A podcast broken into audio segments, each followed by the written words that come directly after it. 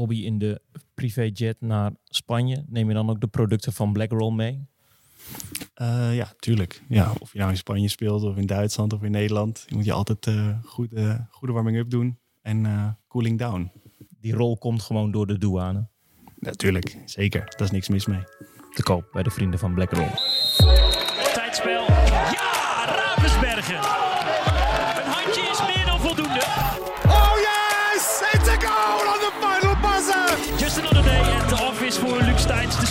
Van PSG. Abing steps up. Cometh the hour, cometh the woman. Loopt hem goed door in de winkelhaak. Van Wetering. 12-5. Glimlach van Angela Malenstein en het publiek op de banken. Dag mensen van het internet. Als kind speelde ik veel carrière mode op het voetbalspel FIFA. Team kiezen, aankopen doen. De hele bubs met sterren en het clubbestuur tevreden houden. Maar hoe werkt dat in het echt? Daar gaan we het over hebben met oud-bondscoach Joop Viegen. Die bezig is aan zijn vierde seizoen als trainer van Benelink ploeg Hurry Up uit het Drentse Zwarte Meer. Joop, na je spelerscarrière wist je al snel dat je met coachen, trainen, je geld wilde verdienen? In, in mijn carrière wist ik al dat ik trainer zou willen worden. Dus toen ik speelde was ik 5, 26. Toen wist ik al van jongens, uh, ik word later trainer. Waarom? Ja, gewoon... Uh, ja, eigenlijk heel veel redenen, maar uh, vooral werken met mensen, het sturen van mensen, leren van, van, van systeempjes, leren van dekking. ja, er zit, zit, zitten veel, veel facetten aan het vak. Mooi. Je mag er zo meteen even voor zorgen dat je iets dichterbij zit. Dat, ja. is, dat is belangrijk. Voordat we dieper ingaan, op jouw mooie vak willen we in het begin van de podcast even bijpraten. Bobby, ik begon uh, over een privéjet. Uh, je hebt uh, de eerste ronde van de EHF European League overleefd en je stuurde me een foto vanuit een privéjet. Ja, we, we gingen ineens met een privéjet Europa Cup in. Dat ja, gebeurt als handballer niet zo heel vaak. Um, maar er waren wat problemen met de vliegtijden. was allemaal moeilijk. We zouden pas twee dagen later terug kunnen vliegen. Want we speelden in Logroño, in, uh, in het noorden van Spanje. Het was allemaal heel lastig. We hadden ook daarvoor vlak een wedstrijd. Dus konden ook niet eerder weg. En toen op een gegeven moment hebben ze besloten om uh, ja, de portemonnee te trekken. Dus dat was wel even een ervaring. Want het, uh, dat maak je niet zo vaak mee. Hoe zag het eruit van binnen? Ja, eigenlijk als een normaal klein vliegtuig. Maar uh, ja, vooral de, de wachttijd en zo, dat is allemaal heel chill. We gingen met de bussen heen, je stapt uit, je gooit je tas door zo'n uh, controlesysteem en uh, je stapt in het vliegtuig. Ik denk dat we nog geen twintig minuten op het vliegveld waren. Dus dat, ik snap wel dat rijke mensen dit doen. Joop, ik weet uit mijn hoofd dat jij voor het Portugese Benfica hebt gespeeld. Ook dit soort tafereelen daar toen? Nee, wij gingen met de trein of met de bus. Dus uh, nee, het was niet zo extreem als uh, Bobby nu meemaakt. Kijk, dus het verschil is er nog altijd wel. Wel een mooie tijd daar in Portugal, want ik vol, volgens mij nog altijd verknocht aan het land. Ja, ja, ja inderdaad. Het zit in het hart. Dat is echt uh, ja, geweldige tijd. Heb jij dat ook met Duitsland?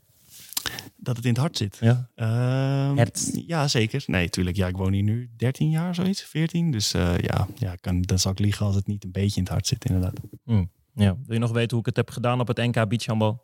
Ja, ik weet niet of je erover wil hebben. Want uh, ik zag een medaille, maar ik, ik, weet niet of ik je daarmee moet feliciteren of niet. Nee, vorig jaar goud, dit jaar helaas brons. Halve finale verloren van Feyenoord. Ai, dat is nooit goed voor mij. Het zijn twee Amsterdammers hier. Is, uh... Het spijt me. Ja, goed. De eerste set wat ongeluk gehad aan het eind. En de tweede set waren zij beter. En dan is het 2-0 in het beachhandbal. En is het gebeurd. Zonde. Maar brons is het mooi, toch? Dat Uiteindelijk brons. Trots op zijn derde ja, van Nederland. Dat, dat, is, dat is helemaal niet gek. De, de titel ging naar Camelot, Camelot uit Tilburg. Dus uh, Feyenoord voor jullie. Zilver, geen goud. Klein beetje. Wel zeven kuikens rijker, uh, Bobby Schaag. Ik vertelde in de allereerste podcast Vakantiekilo's ook te luisteren in je favoriete podcast app. Negen eieren. En uh, daarvan zijn er zeven uitgekomen. Dus een hele hoop kippen rijker straks. Joop, jij hebt het weekend in Luxemburg vertoefd. Hoezo? Ja, Europa Cup ook. Hè? Dus uh, ja, uit uh, Berghem. En komende zaterdag uh, thuis Berghem. Dus gewonnen met twee doelpunten verschil. Dus het ziet er goed uit. Dan hebben we het over de eerste ronde van de EHF European Cup. Ja, goed, je, je begint te schudden. Het, het, het is zo. 30-32, dus je neemt twee mee ja. naar de return in Emmen. Is dat... Uh, Emmen. Eh, is dat eh, iets wat, eh, wat je genoeg doet? Of, eh, of word je daar wel een beetje zenuwachtig van? Nee, het is, het is een goede, goede uitslag. Alleen, eh, ja, je bent er nog niet. Kijk, het is één wedstrijd. eh, er zit veel spanning op. Eh, hangt een beetje van de arbitrage misschien af. Eh, dus eh, het kan eh, alle kanten op gaan. Nou, dat is een van die facetten waar je mee te maken hebt. De arbitrage. Bobby, in mijn intro begon ik over carrière-modus met FIFA. Heb je dat ook gespeeld? Eh, ja, ook wel. Niet zo heel lang. Ik was meer van eh, OSM. Dat is een beetje hetzelfde soort spelletje. Manager, spelers in toom houden, aankopen doen en zo. Dus dat, eh, ik heb dat wel gedaan, maar niet altijd met FIFA. Ploegjes leiden. Wat vond je daar dan zelf zo leuk aan? Ja, een beetje die tactiek en zo. En dat spelletje OSM is heel simpel. Dat is, eh, FIFA is volgens mij veel meer uitgebreid. Maar eh, ik vind dat altijd wel leuk. Een beetje zo eh, die managerspelletjes doen. Wij, wij beschouwen het nu als een spelletje. In jouw geval is het bloedserieuze zaak met mensen van, van vlees en bloed. Eh, we gaan daar graag dieper op in. Wat vind je het allerleukste aan, aan jouw vak, Joop? Het allerleukste is, eh, zoals dit seizoen, hebben zes nieuwe spelers, veel buitenlanders. Ja, en dan eh, proberen daar een team van te smeden. En snel. Hè, dus eh, dat is een enorme uitdaging en eh, ja, dat vind ik echt leuk. Als we dan bij het begin beginnen. het is zomer, iedereen komt. je, noemt het al, een aantal nieuwelingen. Wat is het allereerste dat je doet om, om je stempel op, op, op een groep of op het spel te drukken? Ja, is lastig, want ze, ze druppelden binnen. Je zit met de bouwvakvakantie, je zit met allerlei andere dingen. Dus eh, de eerste week komen er twee binnen, dan een week later weer één en dan nog een week later weer twee. Dus je moet constant eh, nieuwe spelers integreren. Eh, en eigenlijk de laatste twee weken ben je compleet. Nou, daarom is de Europa Cup natuurlijk ook geweldig, ook voor de teambuilding. Dus eh, dat zijn wel de grote stappen. Maak je busreisjes. Herken jij dit, eh, Bobby, vanuit bijvoorbeeld eh, eh, Lemgo, dat zo'n start eh, nieuw is, maar ook belangrijk?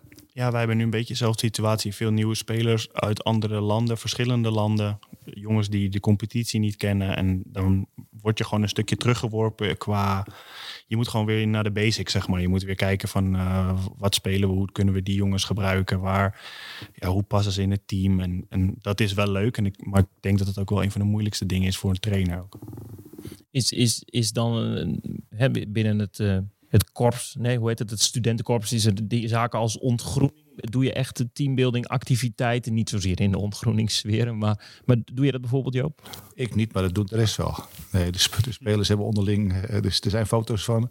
Niet voor publicatie, maar eh, nee, er er wordt wel eh, ontgroend bij ons. Daar hou jij je bewust dus eventjes buiten. Jawel, je moet niet alles willen zien en weten. En ik heb ze wel gezien, maar ja, de, het feest wat zij gevierd hebben, dat hebben zij met, met de spelers gevierd. Dat is goed, dus dan, dus dan neem jij graag even afstand, zodat je de volgende keer weer instappen kunt. Ja, wat die weet wat die deed. nee, dat is zo. Hey, ehm hurry up doe je nu. Je hebt ook eh, eventjes bij eh, Hasselt in België gezeten. Ook in, in, in Zwitserland, bij, eh, bij Basel. Toen moest je vroegtijdig volgens mij daar helaas verlaten. Ehm, is dat iets waarvan je baalt dat het dan op zo'n buitenlands gebeuren niet lukt? Of ben je blij om überhaupt een ploeg eh, te leiden op een mooi niveau? Nou ja, het waren natuurlijk twee eh, uitda- uitdagingen. Eh, als we beginnen bij Hasselt, dan is het, was het een heel moeizaam verhaal. Ja, een beetje los zand allemaal, organisatie en, dat, soort, dat soort dingen. Spelers werden hak en tak eh, binnengehaald, zat, zat geen lijn in. Zwitserland was wel heel erg leuk en heel erg mooi. Alleen, ja, wij hadden geen voorzitter, maar we hadden een president. Nou, dat zegt al een beetje hoe de hiërarchie liep. Eh, dus ja, dat was een hele, hele andere situatie. Eh, ik eh, heb mijn contract verlengd in februari. En in maart werd ik ontslagen omdat we twee keer verloren achter elkaar. Dus dat is echt nou ja, een beetje Italiaanse, Kroatische tafereelen. Dus ja, heel apart. Dan is de Nederlander de klos.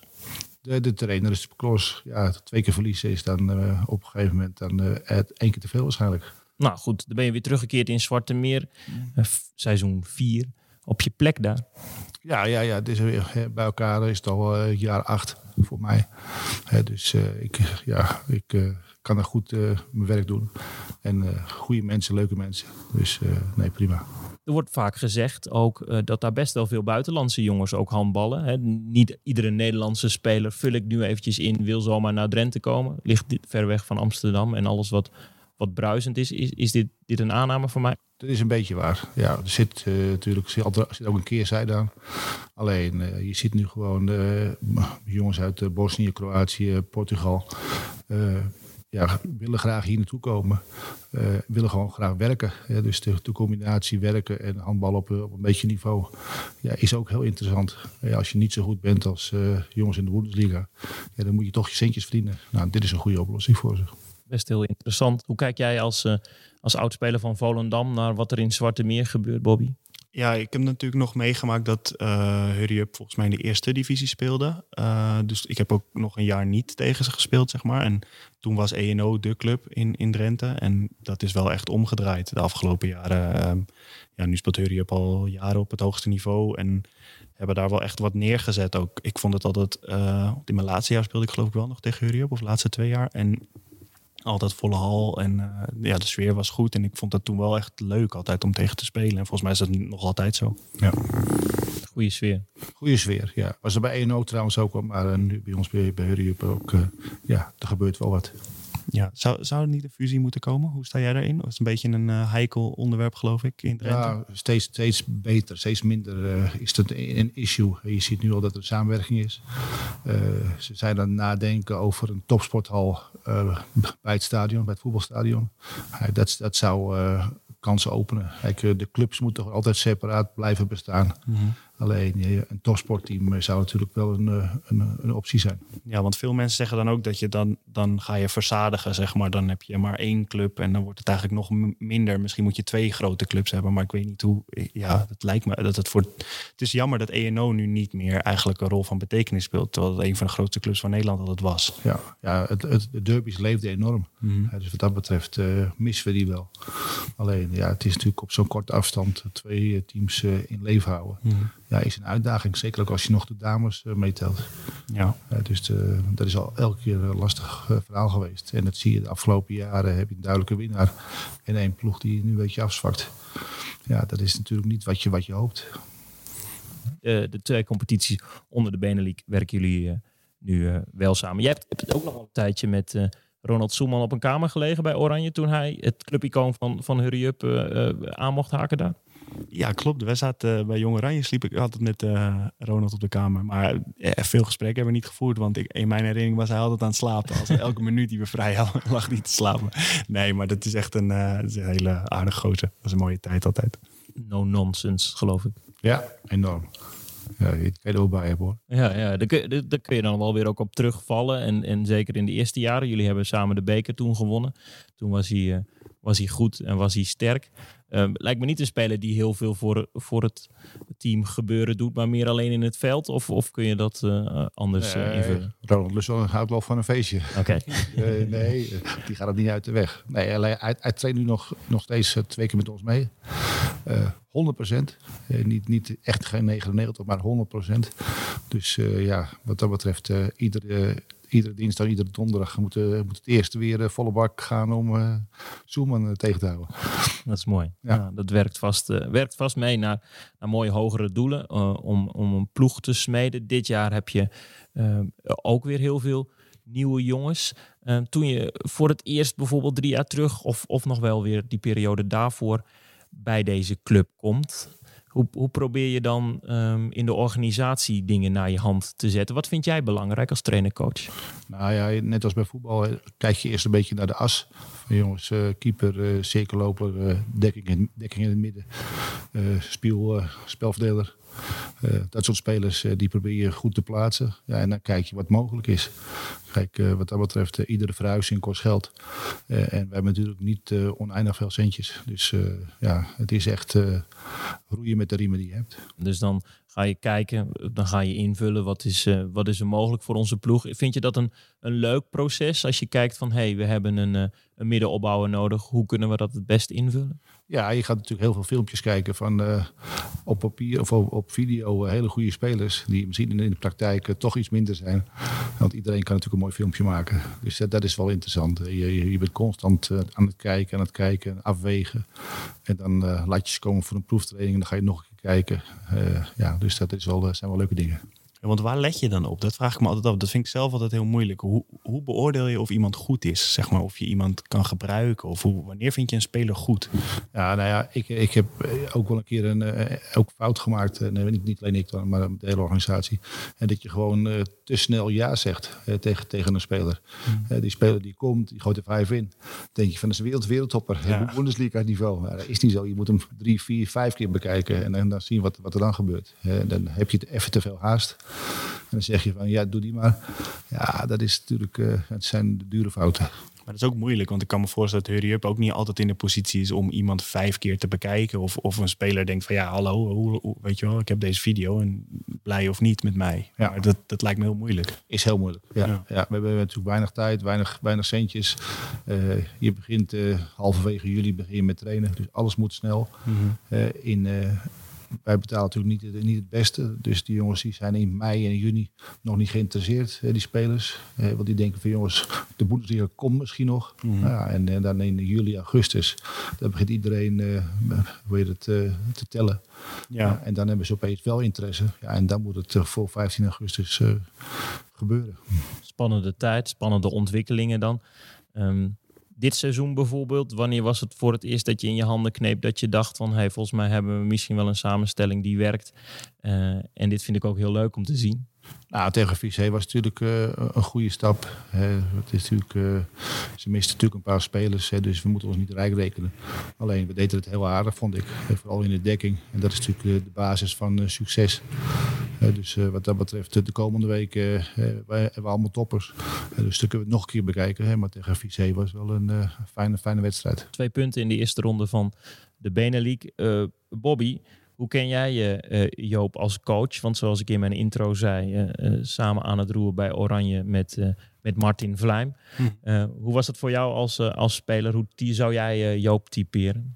Um, ja, ik vond het een hele fijne tijd bij Oranje. Ik had altijd uh, ik had het laatst ook nog een keer ergens gezegd dat voor mij is het een beetje, was toen een beetje het begin van waar we nu mee bezig zijn, zeg maar, bij Oranje. Volgens mij heb jij ook uh, Luc en Kai en zo laten debuteren, kan het? Ja. Het is een beetje die, die fase dat het toen begon, zeg maar. En de tijd daarvoor herinner ik me vooral als um, ja, heel amateuristisch, zeg maar. We, we, we, hadden niet, we hadden geen oefenwedstrijden. We speelden vier keer per jaar tegen België. En toen Joop kwam, zijn dingen een beetje veranderd, zeg maar. Toen gingen we naar Qatar, Rusland, naar dat soort toernooien. En volgens mij was hij daar heel belangrijk in. En dat heeft uiteindelijk wel voor gezorgd dat je als team, zeg maar, jongens ook transfers hebben gemaakt. doordat ze goede wedstrijden speelden tegen goede landen.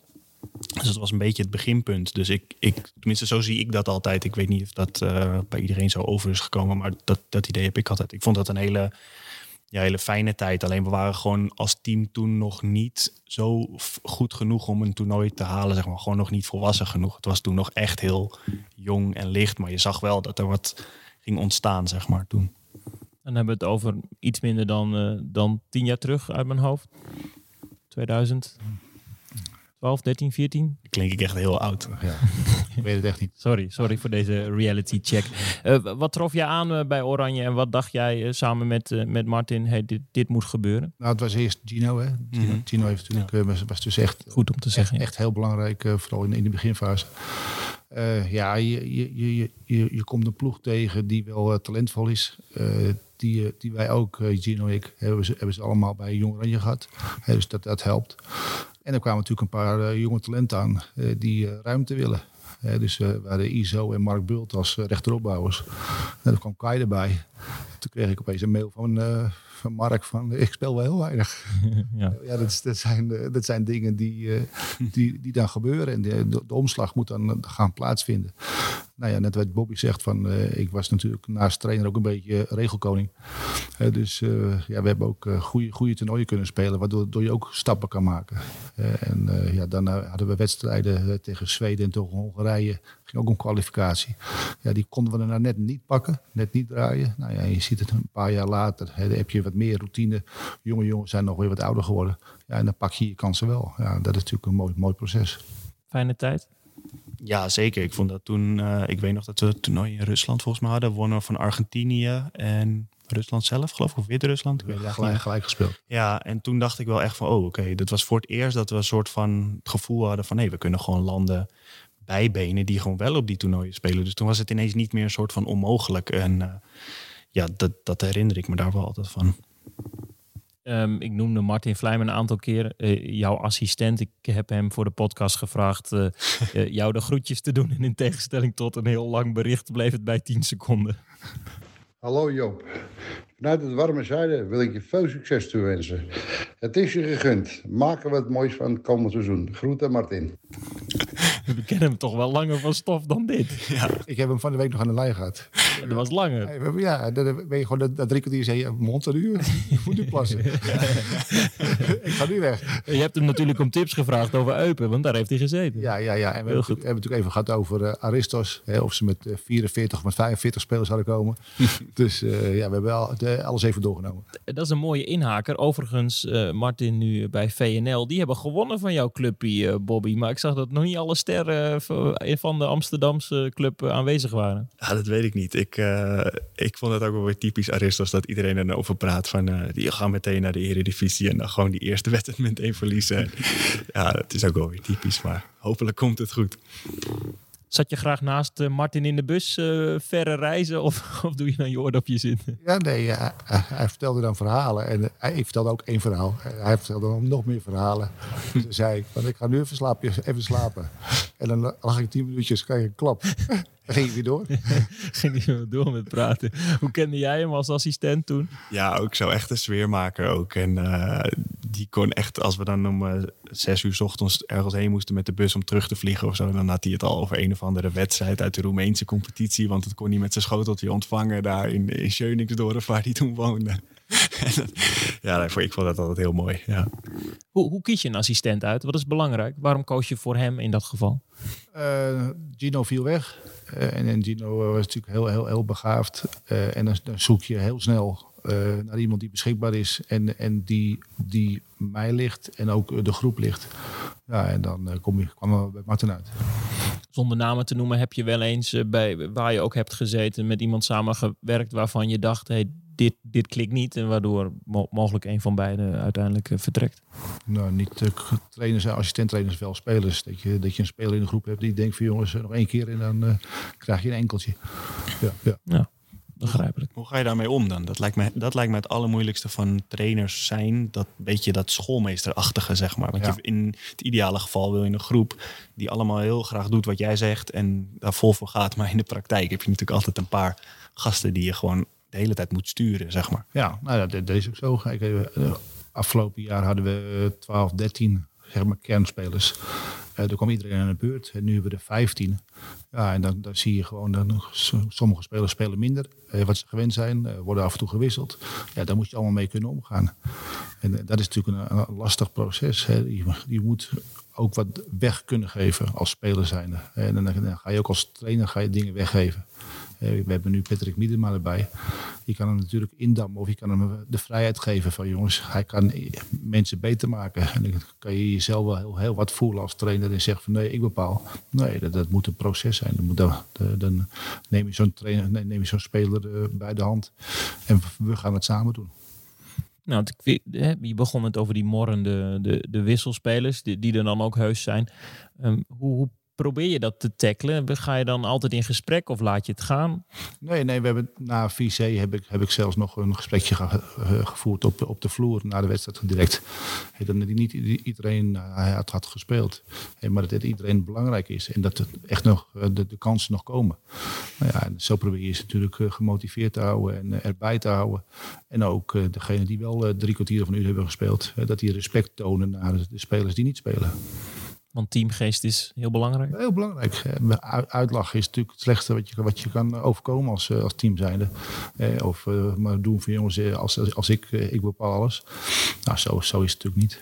Dat lijkt me het moeilijkst van trainer zijn. Dat je, de, dat je al die belangen, zeg maar. En je moet iedereen, al die neuzen moet je dezelfde kant op blijven houden ook. En ja, ik heb altijd het gevoel dat er maar één manier voor is. En dat is gewoon praten met je spelers. Want ik merk in de praktijk dat als je niet weet van je trainer uh, waarom je niet speelt of wat je fout doet, dat dat het ergste is. Dan gaan mensen zeuren. Maar als een trainer heel duidelijk tegen jou zegt: Bobby, je, je mist te veel ballen, je staat in de dekking, doe je dat en dat niet goed. En daar en daar moet je aan werken. En als je dat doet, dat je dan ook speelt. Als je dat daar dat verbetert, dat is het fijnste. Want dan kan je eigenlijk, natuurlijk ben je ook wel zagrijnig. Dan kan je eigenlijk nooit zeuren. Dan, moet je, dan, dan weet je gewoon waar je aan toe bent. En volgens mij is dat ehm, het allerbelangrijkste. En dat zie ik vaak om me heen, zeg maar. Dat als dat niet gebeurt, dat dan spelers denken van ja, pff, wat is dit? En dan gaan ze de kont tegen de krip gooien, zeg maar. Dat, dat is heel lastig voor een groep ook. Dat is ingewikkeld hè, als, als een speler dat doet. Ja, dat is ook zo. Alleen, nou ja, wij hebben het bijvoorbeeld komende weken hebben wij eh, achter elkaar Bocholt uit, Berghem thuis, Aalsmeer thuis en Pelt uit. Dus dan komt bijna iedereen aan de beurt. Daar kan je ook bijna op, op rekenen. Nou, ja, dat, dat helpt je ook natuurlijk een beetje in het proces. Veel wedstrijden. Veel wedstrijden, eh, er komen straks ook blessures aan. Eh, en dan, dan moeten toch weer andere mensen opstaan. Nou, dus eh, dat moet je benutten. Toch ga ik je nog eventjes één keer aankijken, Bobby. Je begon eh, eh, over de periode van jou bij, bij Oranje, nu jullie hier samen zitten. En ik de kans klein acht dat jullie ooit nog samen gaan werken. Dat weet ik niet of dat zover komt. Afijn. eh, je- Zwarte Meer is eh, in de buurt. Kijk, Ik weet, ja. het is geboren hier bij, eh bij Spielmacher. Ehm, na- naast dat hij goede dingen voor Oranje hebt gedaan, hoe zou je hem als trainer-coach ehm, eh, omschrijven? Ik, wat ik fijn vind, wat, wat Joop ook heeft, is dat hij gewoon rustig is. Het is geen schreeuwer, zeg maar. Het is, je hebt wel eens coaches die aan de kant ziet en die... Ik, ik hou er altijd van als iemand gewoon op de inhoud blijft, zeg maar. En dat, vind ik, dat vond ik altijd fijn. En dat heb ik nu ook met mijn eigen coach nu hier. Ik hou er niet van als iemand alleen maar staat te schreeuwen. Want dat, daar heb ik altijd het idee dat hij het ook een beetje verloren heeft, zeg maar. En ik denk dat dat Joop wel typeert als ik het goed zeg. Ja. Ja, dat dat wel. Hij is heel rustig en hij blijft gewoon op de inhoud en niet allemaal gek, eh, weet je wel, iemand uitkafferen als er iets fout gaat of zo. Weet je, het is gewoon handbal inhoudelijk en dat vind ik altijd wel fijn. Heb je dat moeten leren? Eh, rustig blijven, ondanks dat je mogelijk niet een, een heel druk persoon bent van jezelf. Maar je hebt on- onderweg vast veel opgepikt. Nee, dat heb, was, zit een beetje nature in, in mij. Eh, toen ik eh, bij ENO kwam, moest ik elke keer Harry Weerman al rustig houden als speler zijn en hij als trainer. Dus wat dat betreft zat, zat het er al vroeg in. Ik, ben, ik ben gewoon ja, rustig van aard. En, eh, en eh, wat Bobby zegt, van, eh, ik word niet heel snel heel wild. Of ja, je, je voelt je genaaid, dan wil je wel eens reageren, maar over het algemeen niet. Wat is het grootste leerpunt die je wel tot je hebt genomen? Waarvan je dacht van, hé, hey, dit, is, dit is iets, daar ga ik graag mee aan de haal. Ik zeg altijd tegen spelers die mij om advies vragen: als je naar het buitenland gaat, ga dan niet bij de nummer laatst of de nummer ene laatst eh, om- onder contract komen. Want dan, dan moet je er twaalf maken, en an- anders win je niet. Dus als je er dan vijf maakt, is het in jouw oog heel, heel wat. Maar in de praktijk vlieg je er gewoon uit. Nou, dus ik ben naar Basel gegaan, de nummer eh, laatst van de competitie. Dus ja, al mijn, eh, mijn wijsheden heb ik zelf in de wind ge- geslagen. Want ik wilde graag in het buitenland wat proberen. Nou, dan krijg je het gewoon heel, heel erg zwaar. En dan winnen we van, eh, van Schaffhausen. En dan drie maanden later verlies je er twee. En dan maakt het helemaal niet uit of je gewonnen hebt van Schaffhausen. Eh, dat was een unieke prestatie. Ja, en dan eh, leg je er alsnog uit. Dus eh, dat was wel eh, een wijze les. Wel blij dat je het gedaan hebt. Ja, ja, 100%. Ja, je moet, je moet doen wat je, wat je, wat je droomt. Ik, en, eh, dat heb ik gedaan. Wat had je nu anders gedaan als je nu zeg nog een keer naar Basel zou gaan? Zou je dan, of zou je niet naar een Basel gaan, maar naar een ploeg waar misschien meer te winnen valt? Nou, daar, als ik dan naar, naar de nummer 10 ga, dan zeg ik van jongens, jullie zijn nu tiende. Eh, wat gaan jullie doen om volgend jaar zevende te worden? Mhm. Hoe ga je Ja. kampioen te worden, maar zevende? En dan kom ik natuurlijk ook met een aantal voorstellen eh, wat betreft spelers. Ja, Nou, en dat, die insteek zou ik gaan, gaan, gaan pakken, anders doe ik het niet. Ja. Want het, het is gewoon af en toe dan eh, ja, roeien met, eh, zonder, zonder, zonder pedals. ja. Dan wordt het lastig. Want ben je als trainer zo goed als je materiaal? Of kan- hoe zie jij dat? Dat zeggen heel veel. Ja, nee, 90% is zo goed als je materiaal. En, en af en toe dan kan je natuurlijk met wat slimmigheidjes kan je wat doen. Weet het, eh, je weet, eh, mijn, mijn vrije bal, die, Ja. die Kai Smits weer de, laatste, de laatste keer weer ingooide. Ja, dat zijn, zijn van die kleinigheidjes, die, die kan je toevoegen. Een stukje tactiek kan je toevoegen. Maar als je hier spelers niet hebt, dan wordt het een mission impossible. Ja. Want ik, ik, vind, ik vind dat ook altijd. Ehm, kun je, als je een wedstrijd kijkt, als jij een wedstrijd kijkt, zie- je dan of een ploeg een goede trainer heeft? Of is dat heel moeilijk om te zien? Ik, ik weet pas of het een goede trainer is als ik het van de spelers hoor. Oké, ja. Als, als, als je het hebt over eh, Bert Bauer, Peter Potenge, daar hoor je bijna nooit negatieve verhalen over Mhm. van spelers over. Nou, dan Ja. weet je, dat zijn goede, goede trainers. En, en ik, ik heb zelf dan misschien niet eens zo vaak die jongens zien, zien trainen. Maar als je het al, de, spelers eh, die, die bepalen dan eigenlijk eh, ja, de kwaliteit. Ja, want dat vind ik bijvoorbeeld in het geval van Peter, weet ik dat, dat eh, hij volgens mij niet in heel Nederland zo geschat wordt als, als spelers dat vaak over hem zeggen. Dus dat is wel, dat is dan wel een teken dat het eigenlijk een goede trainer is, maar misschien niet altijd overal die waardering krijgt of zo. Ja, ja dat, is, is moeilijk in te schatten. Ja. Je, je weet zelf wel, eh, als je er één ver- ver- verliest op de verkeerde momenten, dan eh, moet je eruit. Ja, En als je, de, als, je kampioen, eh, als, als je kampioen wordt met je ploeg, dan ben je de kampioenenmaker. ja. Eh, Zeg, zeg het maar. Het is, dit is, zijn lastig, lastige afwegingen. Ook in de derde eh, aflevering van Spielmacher een, eh, een, een column van onze eh, columnist Jochem, jouw vriend uit het Amsterdamse Bobby. En eh, met de- aan het eind een vraag voor jou, Joop. Dag mannen, trainer zijn. Het lijkt me serieus een heel mooi vak. Als trainer van een handbalclub een baan zou zijn tussen 9 en 5, zou ik het serieus een mooi beroep vinden. Maar altijd maar de avonden en de weekenden weg zijn houdt me echt tegen. Als de hele wereld vrij is en leuke dingen doet, moet jij altijd maar werken. Ik kan alleen maar bewondering hebben voor mensen die dat jaar in jaar uit doen. In mijn leven heb ik een boel trainers gezien. Bij eentje liep ik de halve training breaks, als warming-up of zo. En bij een ander moest ik een half seizoen oefenen op een valworp vanuit de rechterhoek. Alsof ik daar wel eens kwam met mijn eh, 1,93 als linkeropbouwer. Ik zou het ook super vet vinden om meer wedstrijdvoorbereidingen mee te kunnen kijken. Wat vertelt Joop Viegen of Bert Bauer nou een uur voor de wedstrijd aan zijn team? Is het tactisch of vooral motivationeel? Het leukste moment in een handbalwedstrijd live op tv bekijken vind ik altijd de time-out.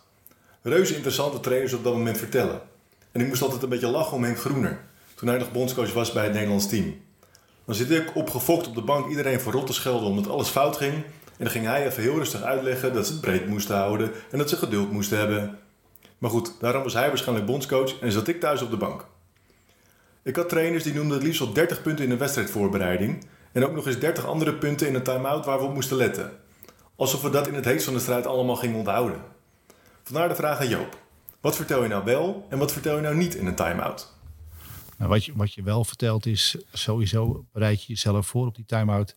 Dat je 1 à 2 punten, daar begin je de time-out mee, eh, met, met verbeterpunten. Dat kan in de dekking zijn, kan in de aanval zijn, kan iets anders zijn. Eh, en en die, die pak je sowieso bij, bij de lurven. Nou, daar heb je denk ik ruim een half minuut voor. En dan kijk je om je heen naar je, je middenopbouwer, eh, je, je verlengstuk. Of die nog een, een toegevoegde waarde heeft eh, als speler zijn. De, wat, wat Lucie een beetje doet bij, bij Oranje. En, en die ruimte moet je, vind ik ook, moet je, moet je geven. Dus het is echt een, een evenwicht. Dus je moet zeker niet eh, 41 aanwijzingen geven in, in een minuut. Dan worden die spelers helemaal gek.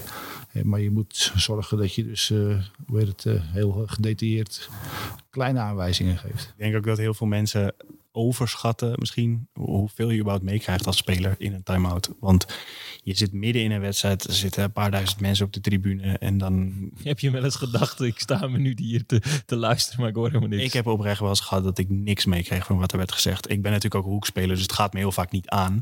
Alleen eh, dan zit je zo in die emotie. Dan, bij ons is het vaak zo, dan komt je andere hoekspeler van jouw positie komt met je water en een handdoekje. En dan eh, bespreek je heel even wat met hem en dan hoor je het niet goed, sta je achteraan. En dan ben ik het al kwijt, zeg maar, na een minuut. Dus het, het is wel, je kan wel een heel verhaal gaan houden van een minuut. Maar je kan beter inderdaad twee korte dingen zeggen. En dan misschien een systeem wat we die aanval daarop kunnen spelen. En het is ook een beetje om het momentum vaak te breken van de tegenstander. Of eh, jouw momentum even te pakken. En het is niet altijd zo dat je dat. Ik, in een rust en voor een wedstrijd krijg je veel meer mee. En in de gedurende de week natuurlijk. Maar in, in die ene minuut, ik denk dat mensen dat ook wel vaak overschatten, zeg maar. Ja, dat is goed om te weten voor mij als simpele ziel. Dat het dus niet wonderen verricht en dat het verder eh, allemaal maar relatief is. Nou ja, af en toe verricht het wel wonderen. Er zijn kleine dingetjes die kunnen het verschil maken. Kijk, het is natuurlijk even, even, even de rust terugpakken. Eh, Even zeggen van jongens, als we dit systeem spelen, liggen daar heel veel mogelijkheden. En ze maken dan één of twee doelpunten, dan gaan ze er ook in geloven. En dan krijgen ze weer een, een boost. En Dat, dat, dat zoek je. Ja, dat is ook dat, dat is precies waar een time-out voor is. Dat je die ene, twee aanvallen, dat je daar daarna wat kan doen. Of dat je net even wat punten aangeeft. Dat je even iedereen die, die overview geeft zeg maar, van het spel. Maar je kan niet een hele tactische bespreking zoals in de rust of voor een wedstrijd doen. Dat, dat, dat gaat ook niet. Wat ik wel mooi vind, dat je nu, nu zie je heel vaak teams die na een time-out, zie je heel vaak in de Bundesliga, dan nemen wij een time-out met Lemgo tegen Kiel bijvoorbeeld. En dan uh, hebben we iets over een aanval die we dan willen spelen. En dan de, de ene aanval na de time-out speelt Kiel 5-1. Zodat onze time-out als het ware in het water valt. En dat vind ik ook altijd wel mooie spelletjes. Dat zie je steeds vaker de laatste jaren. Dat is ook wel, wel mooi, zo'n wisselwerking dingetje. Volgens mij zit er een goede schotel op het dak bij jou in Emmen en zie je een hoop van dit soort wedstrijden, of niet? Ja, ja ik vind het wel leuk. Ja. met, met een kladblok of niet? Ook met een kladblok. En uh, ja, naar mijn vrouw toe van het is werk. Hè, dus, uh, we moeten handbal zien ja, vanavond. We moeten handbal kijken, dus uh, helaas. Nee, ik, ik mag, het, mag graag wedstrijdjes kijken. Pas je dan wel eens dingen in? Ik geloof dat, dat, dat, dat jij een van de eerste trainers was in, in, in de Benelux die, die dan een, een, een speler een hesje aandeed en zo een zevende veldspeler inzette. Of ik was toen in Zwarte Meer en zag dat voor het eerst afijn. Um, maar ik geloof dat je dat dan ziet op, op tv en denkt, dit gaan we inpassen bij mij. Ja, nou dat is ook. Ik weet niet of het eerste was, maar gewoon uh, je ziet dingen en dan wil je het graag uh, oppakken en veranderen. Kijk, we hebben de hele uh, systemen van, van Norton, die heeft Patrick meegenomen. daar maken we gebruik van. Ja, beter goed gekopieerd als slecht bedacht. Want dan komt hij in de zomer naar jou toe en dan zegt, zegt hij, Joop, wij spelen dit, dat vind ik effectief, kunnen we dat implementeren? Ja, en dan kijken wij van, kijk ik van, jongens, dit, dit spelen we al, alleen misschien iets anders. Hè, dus laten we het iets aanpassen. je moet op een gegeven moment niet met 44 nieuwe systemen gaan komen, want dan wordt het helemaal gek. je moet echt gewoon op de details pak je, pak je een aantal dingen uh, waardoor je het verbetert. En ik heb dat, dat nog steeds. dus misschien in oktober pak je weer één of twee nieuwe systemen. En dan doe je nog in januari nog een keer. En in maart, april, als de play-offs beginnen, dan moet je nog weer nieuwe hebben. je moet constant variëren en ja, groeien. Leuk? Ja, heel leuk. Mooi. Ja, wat een tactiek is mee, hè? ik vind, dat vind, ik het mooiste van, van, van het spel. Ja. Is, vind je dat herkenbaar, dat, dat tactiek leuk en, en, en spannend is? Je noemde het net een spelletje. Ja, zeker. Dat, ik vind dat zelf ook persoonlijk het leukste van, uh, van handbal. En ik denk dat je daaraan ook kan herkennen of iemand uh, goede trainer is of goed met zijn vak bezig is. En ik weet nog... Um, dat we in de tijd dat ik bij Noordhoorn speelde, bij, toen was jij volgens mij bondscoach, kwam je best wel vaak kijken, want we hadden geloof ik vijf of zes Nederlanders daar. En toen hebben we ook een systeem dat we daar altijd speelden, wat je, weet je zo'n systeempje waar je één of twee keer per wedstrijd een vrije kans mee kan creëren, waar je een doelpunt mee kan maken. Dat noemden wij chaos in, in Noordhoorn. En toen hebben we dat bij het Nederlands team ook gespeeld, omdat het heel makkelijk ging. We hadden toon Probeer het eens uit te leggen. Ja, we hadden toon op de cirkel. Ik was rechterhoek, Nicky Verjans rechteropbouw, Patrick middenopbouw. En we speelden dat aan de rechterkant. We hoefden daar eigenlijk niet, we hoefden daar niemand van te overtuigen, want het was gewoon het Noordtoon systeempje konden we in het Nederlands team makkelijk toepassen. Middenopbouw gaat over naar de cirkel en komt eigenlijk uit de rug van de dekking voor de rechteropbouwer langs. En maken we een doelpunt mee. En dat gingen we toen bij het Nederlands team ook doen. En dat vind ik dan mooi dat dat daar werkt. En dat werkt met Luc Steins nog beter, omdat hij zo vlug is. Zo, weet je, die, die zie je al helemaal niet aankomen. En zat ik vorig jaar een keer Champions League te kijken, Parijs. En ik spreek geen woord Frans, maar ze hadden een time-out. En ze hadden het de hele tijd over Pays-Bas. Nou weet ik nog net dat dat Nederland betekent. Dus ik dacht, nou, er komt nu een systeem dat Nederland heet. En toen kwam dus chaos. En dat vind ik mooie dingen, dat dat zeg maar vanuit Noordhoorn, Tweede Liga middenmoot, dat dat het nu heeft geschopt. Dat ene systeempje voor een vrije kans. Tot aan uh, de Champions League met Parijs. Dat die gasten dat dan staan uit te voeren. Dat, dat vind ik het leukste aan, aan handbal. Heel gaaf, toch? Ja, ja, ja. ja. En, uh, wat ik ook meegemaakt heb eh, met die vrije worp variant die, die ik dan geïntroduceerd heb. Dat is een soort valse, valse ja, uitname. Je geeft de bal niet aan de schutter, maar aan, aan iemand in de, in de muur. Ja, en dan zie je Kai uh, in Duitsland dat doen en je ziet hem bij Magdeburg het doen. Weet je, ja, heb ik heb weer geappt. Ik zeg, uh, ja. schuif hem nog wat. ja, ja, mooi. Ja, leuk. Dat is een, dat is een goed inkijkje in dit, uh, in dit hele gebeuren. En het mooie vak dat je hebt, Joop. Het mooie vak dat ook heel veel tijd kost. En, en niet uh, 9 tot 5, zoals columnist Jochem al uh, aanstipte. Um, nou, je hebt profjaren gesleten binnen de lijnen. nu erbuiten. Um, ja, nek je dat wel eens? Denk je wel eens van verdorie, moet ik weer een avond vertrekken? Of is het simpelweg je werk? Nee, het, het, is nou niet simpelweg je werk, maar het is wel Luxemburg heen, Luxemburg terug. Uh, bochelt donderdag, bochelt weer terug. Ja, dat, dat tikt, tikt wel aan. dus je moet je echt goed, goed ook je rust nemen. niet alleen de spelers, maar ook de begeleiding. want het is echt pittig. Dat kun jij natuurlijk zeer zeker beamen. De arbeidsrustverhouding is soms in de bus. Ja, zeker. Maar ja, dit, eh, ik denk altijd zo eh, liever dat dan dat ik uh, 9 tot 5 achter een bureau moet zitten en iets anders doen. Dus ja, mij hoor je daar niet echt eh, over klagen eigenlijk. Nee, dan liever in je vrije tijd in een gymzaal in Barge Kompas kun je het hierover hebben. Ja, maar dat is het leuk. Ik vind over handbal praten leuk. Dus ja, dat, dat eh, maakt mij niet zo uit. Die worden veel, eh, veel jeugd van HVC wordt hier klaargestoomd, Joop. Ja, nee, ik heb het al begrepen. En dan kunnen ze uiteindelijk weer naar de handbalschool waar jij werkt. Ja, ik ben vanochtend om half zeven opgestaan.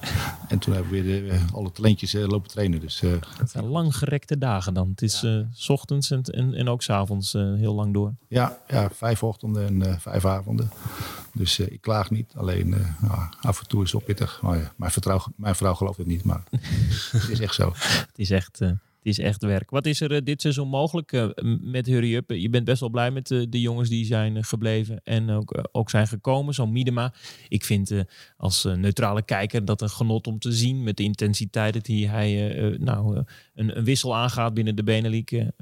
Ja, ja, ben je blij? Ja, nee, heel blij met de groep. Alleen het is natuurlijk niet zomaar een uh, ABC'tje van de jongens, uh, dit uh, komt klaar. Kijk, ik denk dat het verschil tussen de nummer 1 en de nummer 9 in de Beneliga is gewoon nihil. dus het kan echt alle kanten uit. En dat zie je nu ook al aan de uitslagen. er zijn een paar ploegen die dik klop krijgen, maar voor het rest zit alles heel dicht bij elkaar. Dus ja, we zijn benieuwd. Wat, wat vind je nou het allerlelijkste of het allerminste facet van je vak, van het zijn van trainer? Ja, op een gegeven moment ben je de bus wel een beetje, een beetje zat. Eh, wat dat betreft, eh, wij zitten natuurlijk eh, in het noorden van het land. Eh, dus het is altijd vier uur heen, vier uur terug. Dus dan half drie s'nachts thuiskomen is niet altijd een pretje. Maar ja, we klagen niet. Als je Joop zo hoort... Bobby, schuilt er een, een trainer-coach in jou? Je vindt de tactiek wel leuk. Ja. Heb je dan liever de, de assisterende rol? Mm, ik vind het heel moeilijk. Als je me dit twee jaar of drie jaar geleden gevraagd had, had ik gezegd absoluut niet. Omdat ik ben het zat om in weekenden weg te zijn en zo. Nu vind ik het de laatste jaren steeds leuker om met jonge spelers het over bepaalde situaties te hebben waar ik ook tegenaan ben gelopen. En ze te helpen met een klein systeem van hey, kan je kijken met jouw kwaliteiten als je dit en dit doet, dat je misschien een doelpunt kan maken. En als dat dan lukt, dat vind ik echt heel leuk. In die zin kan je zeggen, het schuilt wel een soort van trainer in je, maar ik, wat mij het minst leuke lijkt, is dat schoolmeester. Dat je zo'n hele groep uh, moet krijgen die, dat, die gemotiveerd is en met jou wil. Dus als ik het zou doen, zou ik sowieso, denk ik, van een, een handbalacademie-achtige situatie waarin je jongens hebt die gewoon heel, heel graag verder willen komen. Maar als je een paar vervelende gasten ertussen hebt, dan denk ik dat je mij heel snel kwijt bent. En dat, dat, dat, dat lijkt mij heel moeilijk. Ik denk dat ik dat niet kan, zo'n schoolmeesterachtige. Wat denk jij? Zou hij het kunnen? Hij zelf denkt goed. Hij, uh, hij, hij zit niet uh, te wachten op uh, Kiel of Flensburg. Hey, want dan moet hij echt manager zijn. En boos worden. Echt boos worden. Hey, want ik word af en toe echt boos. Hey, ik heb René Jaspers in het team. Dus af en toe word je echt boos. Goede speler, maar goed, hele, ook met ook een gebruik zijn wij. Een hele goede speler, alleen hij is het er nooit mee eens. Als het cirkel of geen cirkel is en ach, zeuren.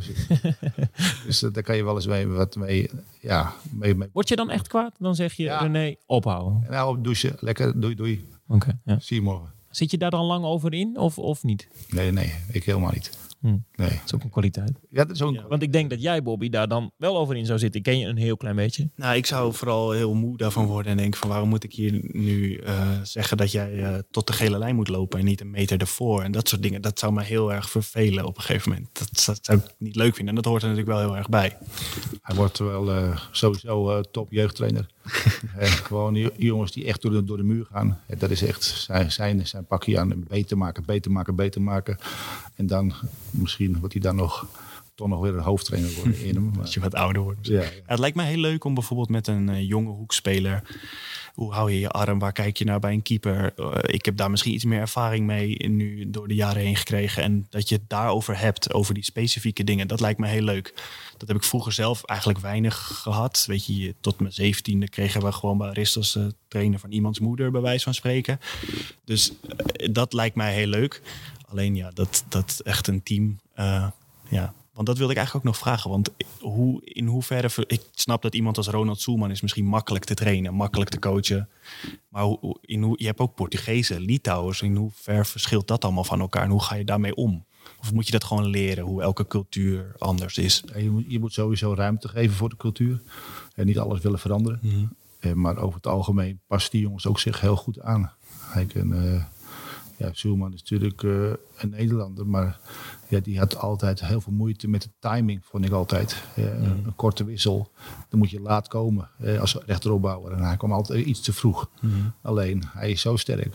Dan maakte toch nog toch weer zijn doelpunten. Ja. Dus dan zei ik van, je moet laten komen. Hij zei, ja, het is een doelpunt. Nederland. Nederland. Ja. En dan moet, nou ja, als je ook zo'n Portugees erbij hebt, dan wordt het af en toe een lange avond. Maar ja, dat zijn wel gewoon de, de, de, Ja. de details. En als het dan werkt, als je alles samenbrengt en je wint, is dat het leukste? Ja, ja dit natuurlijk afgelopen zaterdag eh, was, eh, was leuk. En eh, ik probeerde een beetje te temperen. Ja, en die jongens die, die springen dan allemaal. Maar ik ja, het is nog een wedstrijd. Als coach ben je altijd weer de spiegel van... jongens, niet doen, niet doen. Focus, volgende wedstrijd. Dat is het allerbelangrijkste. is een rol die je past hè, vanuit controle. Ehm, is er ook wel eens een moment dat jij de controle verliest in positieve zin? Dat je denkt, oké, nu is het gewoon eh, hier extreem van genieten en eventjes niet denken aan eh, dat ik het eh, scherp houden moet. Nee, maar ik ben, een- ben een stille genieter. En die jongens zijn natuurlijk nog het centrum ingegaan van Luxemburg. Je moet ook niet alles willen weten. Dat is het beste. Ja, gaat Manuel Kremer wel mee of niet? Die is de chauffeur. Die was de Bob. Dus die had grote pech. Ja, zoiets. Ja, ja dat, is, dat is dan wel weer heel, heel zonde. Hebben we alle vragen gesteld, Bobby, eh, die we wilden stellen? Want ik heb nog een slotvraag, maar die is niet handbal gerelateerd. Ja, ik had nog wel iets wat ik wilde Heel vragen. Want dat is volgens mij wat het meest dat het leeft onder spelers. Als ze naar trainers kijken. Dat je soms dingen moet doen. En dan denk je, "Waar- waarom moeten we dit doen? Hij, hij heeft toch zelf ook gespeeld. Hij weet toch dat dit helemaal niet, dat dit niet leuk is. Dat dit niet goed is. Of dat dit weet ik veel wat. En dat is vooral bij spelers. Ik had dat soms bij, weet ik veel, dan was iemand echt net twee jaar gestopt en die werd dan trainer. En dan dacht ik, hoe kan je dit ons nu laten doen? Je bent toch zelf ook eh, speler geweest?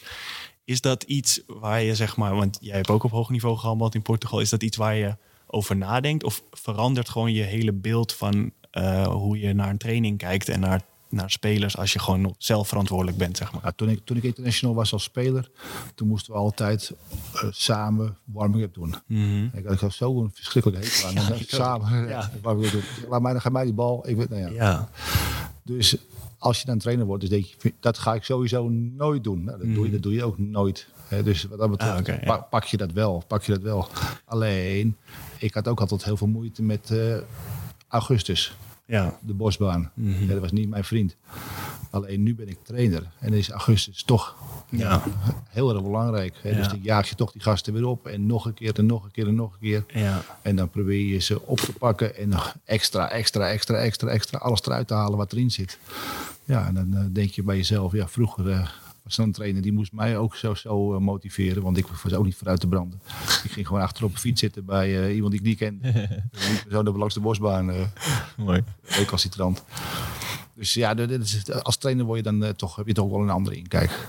Goede vraag. Schuilt ook een goede journalist misschien wel in je. Ja, nou ja, dat is gewoon wat ik altijd merk bij spelers. Dat- Ik heb dat ook zo vaak gehad in mijn leven dat ik dacht, "Maar hij heeft toch ook gehandbald? Waarom moet ik dit nu doen? Weet je wel? En dat, dat is gewoon iets waarvan ik dacht, misschien komt dat een soort van, misschien is het ook met zo'n bosbaan dat je het niet leuk vindt, maar dat je eigenlijk diep van binnen weet dat je het nodig hebt. En dat je daardoor als trainer gewoon denkt, ja, ik snap dat je het niet leuk vindt, maar je hebt het nodig. Zeg maar dat die klik dan makkelijker is. Ja, maar het, het is ook gewoon af en toe lastig, want ik was natuurlijk ook niet goed in lopen met mijn maatje 48. Hè, dus dan liepen we de Coopertest en dan op de Sintelbaan werd ik twee keer ingehaald. Ja. Wel, dan liep ik 2800 meter, vond ik best wel aardig voor mezelf. Maar er waren jongens bij, die liepen bij 3.500 meter. Ja, Ja, dat motiveert niet. Nee, dan, word je, ja, dan denk je van jongens, is niet mijn sport. Ga, geef mij een bal en we handballen. ja precies. Ja, Mag ik dan nu de niet handbal gerelateerde slotvraag stellen? Jazeker. Hoe is het met Binky, de hond? Ja, is heel goed. Heel goed. Dus eh, nee, je weet, ik heb, eh, ik heb twee honden. Dus eh Binky eh, is af en toe lastig, want die Labrador van jaren die is een beetje wild. Maar eh Binky redt ze wel. Weet je wat Joop Vieg in de lente deed, Bobby Schagen? Ik denk dat, dat je, ik heb het een keer gehoord. Hij zocht een oppas voor zijn hond. En Toen kwam hij bij mij en mijn vriendin Annelies langs even voor een overleg met de hond mee. En hij wist natuurlijk dat Annelies dolverliefd werd op het beestje. Dus toen bleef hij twee weken bij ons in huis. Heel slim. Vingerspitsen. Ja, ik weet nog dat Joop aankwam rijden. Dat Annelies zegt: heeft hij, heeft hij dat kleine hondje nou mee? Nou, toen stond ze al te springen. en een week later was de vraag gesteld, mag hij bij jullie blijven? Ja.